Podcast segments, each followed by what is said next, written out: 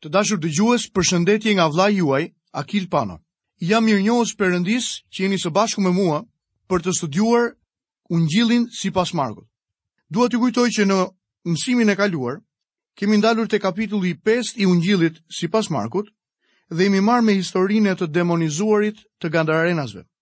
Kemi ardhur në një nga kapitujt më të rëndësishëm të këtij Ungjilli. Jam i sigurt që disa prej jush janë duke buzëqeshur tani sepse mendoj se e them këtë pothuajse në çdo kapitull që ne studiojmë. Mirë, pra çdo kapitull është kapitulli më i rëndësishëm kur ju e studioni atë. Por ky është i rëndësishëm sepse Ungjilli i Markut është ungjill i mbushur plot me shenja, çudira, mrekulli dhe veprimtari të ndryshme. Në këtë ungjill tregohen më shumë mrekulli se në çdo ungjill tjetër dhe pikërisht në këtë kapitull do të gjejmë tre mrekulli të tilla që janë shumë të famshme. Ato do të mund të kryeshin vetëm nga dora e Zotit tonë Jezus. Kjo është arsyeja pse mendoj që ky kapitull është një kapitull i mrekullueshëm. Më lejoni t'ju them vetëm një fjalë rreth të qenit i pushtuar nga demonët. Ne e përmendëm atë në disa raste tek Ungjilli sipas Mateut dhe kur filluam Ungjillin e Markut, thamë që kishim diçka pak më të detajuar në lidhje me këtë çështje. Ky është vendi i duhur për të vazhduar. Ju kujtoj që në mësimin e kaluar jemi ndalur dhe kemi parë gjendjen e dëshpëruar të këtij njeriu të pushtuar nga demonët. Ju kujtoj që ky person banonte në varreza, që do të thotë se ulej midis varreve. Kjo ishte edhe shtëpia e tij ku ai jetonte. Varret ishin vende të papastra. Të vdekurit ndodheshin atje dhe ndonjëherë trupat nxirreshin jashtë. Atij nuk i pëlqente më shoqëria midis njerëzve normalë, por jetonte midis të vdekurve. Tek Ungjilli i Mateut shohim të njëjtën histori dhe në këtë histori ndodhej edhe një person tjetër i pushtuar me demonë, pra ishin dy persona. Por Marku dhe Luka përqendrohen vetëm tek ky. Kuptojmë se ky njeri nuk ishte shoku i tij dhe pa dyshim asnjë i vdekur nuk kishte mundësi të shoqërohej me të. Ai ishte krejtësisht i vetëm. Më tej na thuhet se ai zotëronte fuqi mbinjerëzore. Kështu që askush nuk mund ta bënte zap. Vetëm sepse ky njeri demonstronte fuqi mbinjerëzore, nuk do të thotë se vepronte me fuqinë e Perëndisë. Ky është një shembull tipik. Ai ishte një njeri i egër, kështu që askush nuk mund ta lidhte, askush nuk mund të merrej me të. Ky i demonizuar ishte gjithashtu i varfër dhe vuante nga dëmtime të rënda fizike që ia kishte shkaktuar vetvetes. Ai ishte një krijesë për të cilën të vinte keq dhe për arsyetimin njerëzor ishte një rast i pashpresë. Ai ishte memec dhe vetëm bërtiste. Çfarë kushtesh të tmerrshme. Dhe të gjitha këto për shkak të pushtimit nga demonët. Tani unë dua të kthehem dhe njëherë te kjo histori dhe të them diçka në lidhje me çështjen e pushtimit nga demonët. Së pari, jo vetëm Marku në ungjillin e tij, por të gjitha shkrimet shfaqin dëshmi të përcaktuara për realitetin e demonëve. Ata që pranojnë autoritetin e shkrimit duhet të pranojnë edhe realitetin e demonëve. Së dyti, gjatë shërbesës së Jezusit, kishte ngjarje të veçanta të cilat nuk u mbyllën në atë periudhë. Meqë ra fjala, ne jetojmë një ditë ku shohim rishfaqjen dhe manifestimin e demonizimit. Për këtë mund të jepen shumë ilustrime. Së treti, për arsye të çuditshme ata kërkojnë të banojnë demonët pra në racën njerëzore. Ata kërkojnë të manifestojnë vetveten nëpërmjet qenieve njerëzore, natyrën e tyre të keqe. Ata janë jashtëzakonisht të shqetësuar. Dhe ky përshkrim bëhet akoma më i qartë tek Ungjilli sipas Lukës kapitulli 11 dhe vargu i 24. Shikoni se çfarë flitet atje. Kur fryma e ndyrë del nga një njeri, endet në vende të shkreta, duke kërkuar pushim, dhe duke mos e gjetur dot, thotë, do të kthehem në shtëpinë time nga dola. A nuk është kjo karakteristikë e të gjithë të këqinjve, madje edhe njerëzve të këqinj? Frymërat e mira kurrë nuk kërkojnë që të pushtojnë një njeri. Fjala e Zotit thotë që ka vetëm një frymë të shenjtë, që është fryma e mirë. Dhe ky është i vetmi përjashtim, dhe ajo vetëm banon tek besimtarët. Por aq sa ç'është e vërtetë që fryma e shenjtë banon tek besimtarët, po aq e vërtetë është që demonët pushtojnë jobesimtarët, të pashpëtuarit. Demonët nuk mund të pushtojnë, nuk mund të banojnë tek të shpëtuarit, tek besimtarët. Në fjalën e Zotit na thuhet që ai që është në ne, fryma e shenjtë, është më i madh se ai që është në botë, Satani. Prandaj një fëmijë i Perëndisë nuk mund të pushtohet nga demonët. Në këtë ngjarje demonët ishin gati të shkonin më mirë tek tufa e derrave sesa në ferr.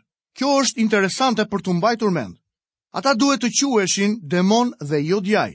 Është vetëm një djall. Përkthimi ynë është jo i saktë këtu. Ata quhen frymëra të ndyra për shkak të natyrës së tyre. Shkrimi nuk na jep origjinën e tyre. Çdo gjë që mund të thoja sot do të ishte thjesht spekulative. Duket sikur ka shumë prej tyre, shumë demonë. Ata janë nën kontrollin e një të vetmi Satanit. Sapo thashë që nuk dua të spekuloj, por mendoj se kur ra Satani, së bashku me të ranë edhe disa engjëj rebelë. Qëllimi i tyre përfundimtar është asgjësimi i njeriut. Ata pa dyshim që punojnë sipas planit dhe qëllimit të satanit. Shembuj të pushtimit prej demonëve gjejmë edhe në ditët e sotme. Ne kemi adhurim të satanit edhe në vetë lagjet tona. Shumë studentë dhe profesorë kolegjesh janë të angazhuar në të. Ata thonë se e gjejnë realitetin aty. Besoj se e gjejnë vërtet. Mendoj se satani është i përgatitur t'u japë realitet atyre që e adhurojnë atë. Po lind pyetja, çfarë lloj realiteti gjejnë ata? Zoti Jezu Krisht ka fuqinë mbi demonët. Ky për mendimin tim është një mësim i madh që nuk duhet harruar. Nuk ka asnjë arsye për një besimtar të ketë frikë nga demonët ose të pranojë disa nocione supersticioze ose drithëruese lidhur me ta. Nëse ndieni veten të shqetësuar prej tyre, atëherë ajo që duhet të bëni është t'i kërkoni Zotit t'ju çlirojë prej tyre. Ata janë nxjerrë jashtë në emrin e Tij. dhe të kesh frikë prej tyre sot është mungesë besimi në Zotin Jezus. Nëse ndieni që ata mund t'ju kontrollojnë në ndonjë mënyrë, t'ju pushtojnë apo t'ju drejtojnë, atëherë keni nevojë për këshillim. Kujtoni që Zoti Jezu Krisht ka fuqi mbi demonët. Dikush ka shkruar një poemë shumë të famshme mbështetur mbi këtë fakt. Ju e dini që populli gadareas erdhi dhe i kërkoi Zotit Jezus që të largohej nga brigjet e tyre. Arsyeja ishte se ata do të donin të kishin më tepër derra sesa vetë Zotin Jezus. Edhe në ditët e sotme, kjo është një çështje zemre, sepse ka shumë njerëz të cilët do të donin të kishin më mirë gjëra të tjera që janë po aq të këqija sa derrat sesa Krishtin. Por le të shohim se çfarë thotë poema. Rabi largohu, fuqia jote na sjell humbje ne dhe të tjerëve. Rrugët tona nuk janë si të tuat. Ti do njerëzit, ne derrat. Oh, ik tutje, o i gjithëpushtetshëm, dhe merre me vete të çmendurin tënd. Shpirtin e tij, ç'na intereson shpirti i tij? Ç'të mirë kemi nga shërimi i tij, përderisa humbëm derrat tanë? Dhe Krishti u largua i hidhëruar, dhe ai bëri për ta një shenjë dashurie, shprese, dhe mëshire hyjnore, por ata donin derrat. Krishti qëndron jashtë derës tënde dhe butësisht troket. Por nëse ari dhe derrat e bllokojnë hyrjen, ai nuk detyron askënd. Ai do të largohet dhe do t'ju lërë me thesaret e zemrës tuaj. Të dashur dëgjues, pak më parë studiuam mrekullinë e parë që shohim në këtë pjesë të shkrimit. Le të shohim tani një mrekulli tjetër, ajo është e lidhur ngushtë me mrekullinë e ringjalljes së vajzës së Jairit. Do të lexojmë së bashku në kapitullin e 5 të Ungjillit të Markut, nga vargjet 21 deri 28. Dhe kur Jezusi kaloi përsëri në bregun tjetër me barkë, një turmë e madhe u mblodh rreth tij dhe ai qëndroi në breg të detit. Atëherë erdhi një nga krerët e sinagogës me emrin Jair, që kur e pa, i ra ndër këmbë dhe iu lut me të madhe duke thënë, ime bijë është duke dhënë shpirt, eja, vëri duart mbi të që të shërohet dhe të jetojë, dhe ai shkoi me të. Një turmë e madhe e ndiqte dhe shtyhej rreth tij. Tani një grua që kishte një fluks gjaku që prej 12 vjetësh dhe kishte vuajtur shumë nga ana e mjekëve të ndryshëm, duke shpenzuar gjithë pasurinë e vet pa kurrfarë dobie, madje duke u bërë më keq, kur dëgjoi të flitej për Jezusin, u fut në turmë dhe pas shpinës preku rrobën e Jezusit sepse thoshte: Nëse vetëm ia prek rrobën e tij, do të shërohem. Jezusi është kthyer sërish në vendin e tij. Në gjithë këtë ngjarje është interesant fakti që Luka që ishte mjek, na thotë që gruaja me fluksin e gjakut nuk mund të shërohej. Ndërkohë që Marku na thotë se ajo kishte vuajtur nga mjekë të ndryshëm dhe se kishte shpenzuar gjithë pasurinë e saj. Kështu pra shohim se çështja e shpenzimit mjekësor, e cila sot është kaq e madhe, nuk është e re për ne. Lexojmë vargjet 29 deri 31. dhe menjëherë rrjedha e gjakut të saj iu ndal dhe ajo ndjeu në trupin e vet se u shërua nga ajo sëmundje.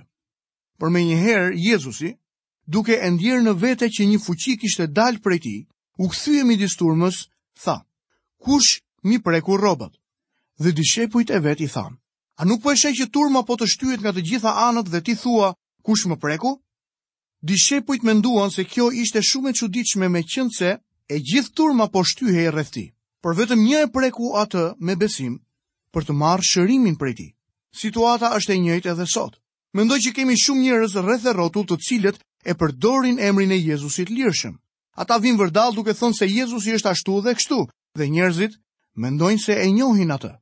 Sigurisht që e njohin, por ata e kanë prekur atë, ashtu siç e preku turma dhe jo ashtu siç e preku kjo grua. Ajo e preku me besim për t'u shëruar. Kjo është arsyeja që prekja e rrobës së Jezusit funksionoi për gruan, sepse prekja e saj ishte ndryshe. Lexojmë më poshtë vargjet 32 deri në vargun e 34. Por ai vështronte rreth e qark për të parë atë që bëri këtë. Atëherë gruaja plot frikë e duke u dridhur, Duke ditur se ç'i kishte ndodhur, erdhi dhe i ra ndër këmbë dhe i tha gjithë të vërtetën. Dhe ai i tha: Bijë, besimi yt të shëroi, shko në paqe dhe ji e shëruar nga sëmundja jote. Kjo grua kishte qenë në këto kushte për 12 vjet. A keni vënë re që vajza e vogël ishte 12 vjeç gjithashtu?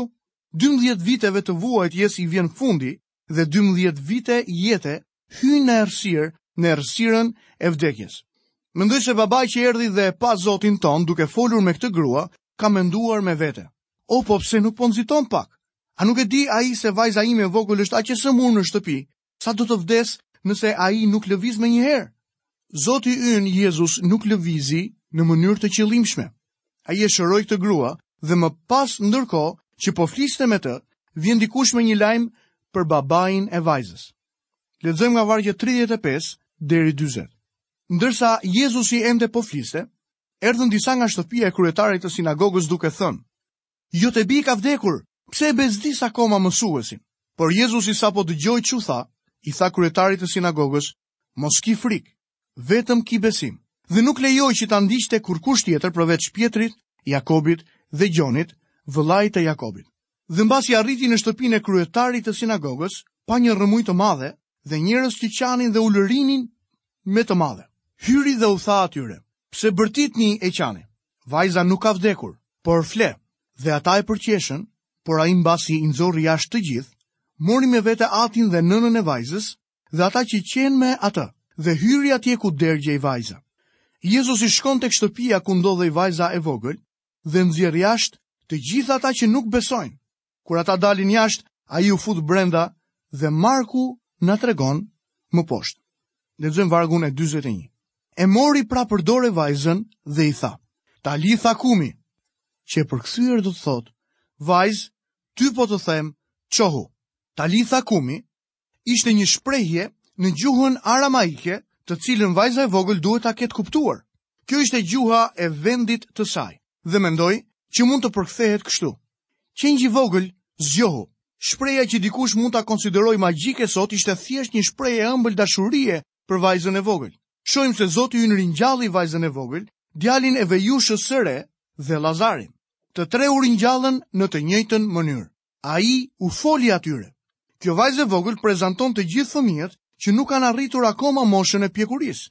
E di që tani jam duke u folur njerëzve që kanë humbur të vegjlit e tyre. Kur humbëm fëmijën tonë të parë, ishte vërtet shumë e trishtueshme për ne. Ishte një dhimbje që e kam të vështirë t'ua përshkruaj.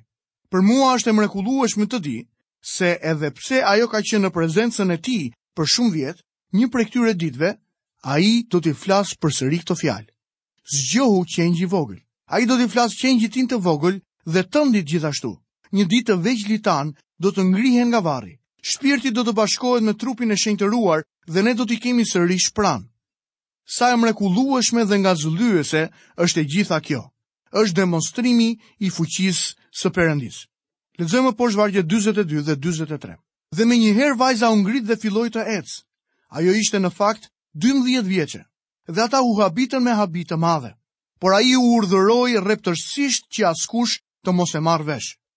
Pastaj urdhëroi që t'i japin vajzës të hajë. A nuk është praktike kjo gjë? Nëse një vajzë apo një djalë 12 vjeçar do të zgjoheshin nga gjumi pasi të ishin bërë mirë, çfarë do të kërkonin? Pa dyshim ushqim. Kështu që ai u tha atyre t'i jepnin ushqim. Sa praktike dhe e mrekullueshme është kjo. Këto janë tre mrekullitë e mëdha të cilat sipas gjykimit tim tregojnë mesazhin e madh të Ungjillit të Markut. Jezusi është shërbëtori i Zotit, i pajisur me fuqinë e Perëndisë. Ai është një njeri në lëvizje dhe erdhi jo që t'i shërbejnë, por të shërbejë dhe të japë jetën e vet si shpërblim për shumë njerëz. Në këtë kapitull ne shohim të kryejë Jezusi tre mrekulli. Ai dëbon demonët nga një njeri gadarenas, shëron gruan me fluksin e gjakut dhe ringjall vajzën 12 vjeçare të Jairit.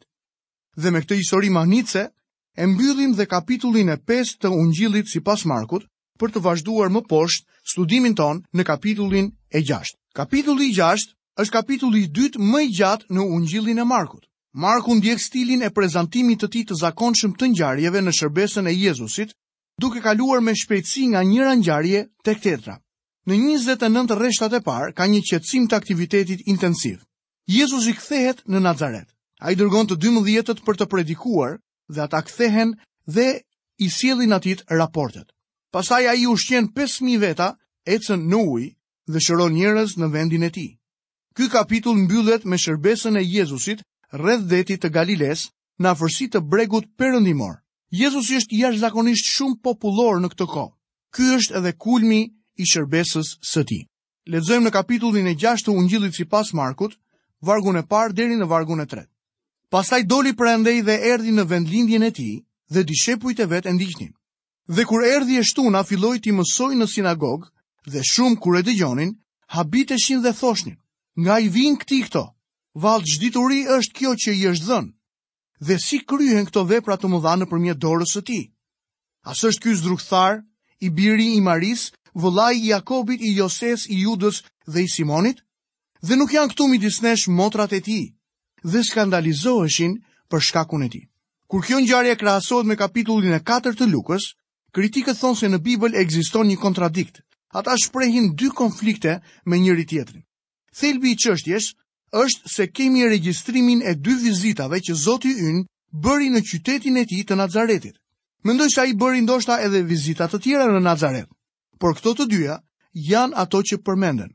Tek Ungjilli sipas Lukës në kapitullin e 4, rrëfehet vizita e tij e parë dhe ai shkoi atje i vetëm.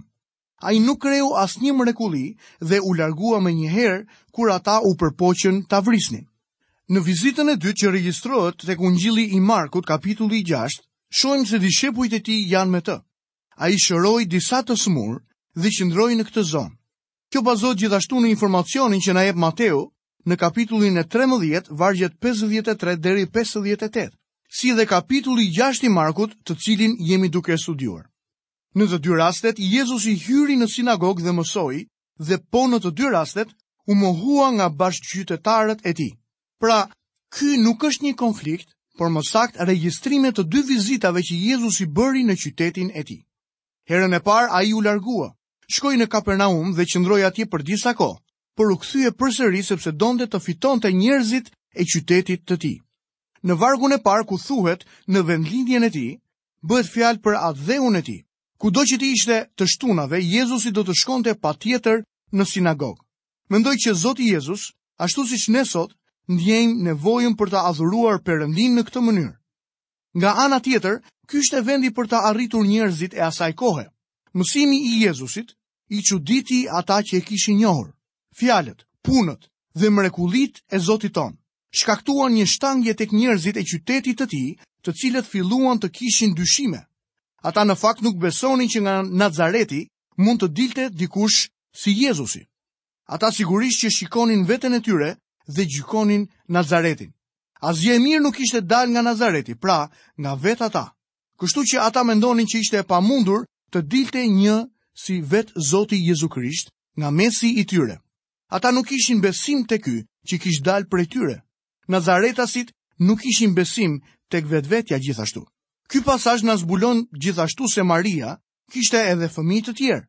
Këta ishin gjysmë vëllezër dhe motra të Jezusit.